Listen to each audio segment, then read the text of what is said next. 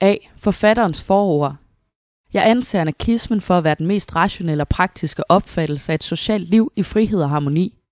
Jeg er overbevist om, at den vil blive virkeliggjort i løbet af menneskehedens udvikling.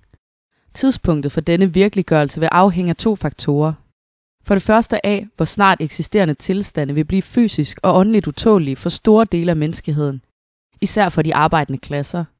Og for det andet af, i hvor høj grad anarkistiske synspunkter vil blive forstået og accepteret. Vores sociale institutioner er baseret på visse idéer.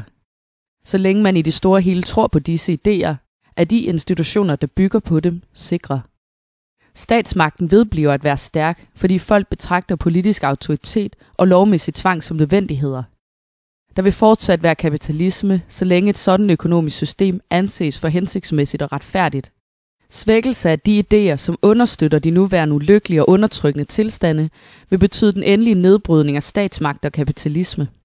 Fremskridt består i at afskaffe, hvad mennesket har været igennem, og erstatte dette med et mere egnet miljø. Det må være indlysende, selv for den tilfældige jagttager, at samfundet er ved at undergå en gennemgribende forandring i dets grundlæggende idéer. Verdenskrigen og den russiske revolution er hovedårsagerne hertil. Krigen har afsløret den kapitalistiske konkurrences forbryderiske karakter og regeringers morderiske udulighed med hensyn til at finde fredelige løsninger på stridigheder mellem nationer, eller rettere sagt, mellem de herskende økonomiske klikker. Det er fordi folk er begyndt at miste troen på de gamle metoder, at stormagterne nu tvinges til at drøfte nedrustning, ja endda direkte forbud mod krig. For ikke så længe siden ville den blotte antydning af en sådan mulighed blive mødt med hånlig foragt og latterliggørelse.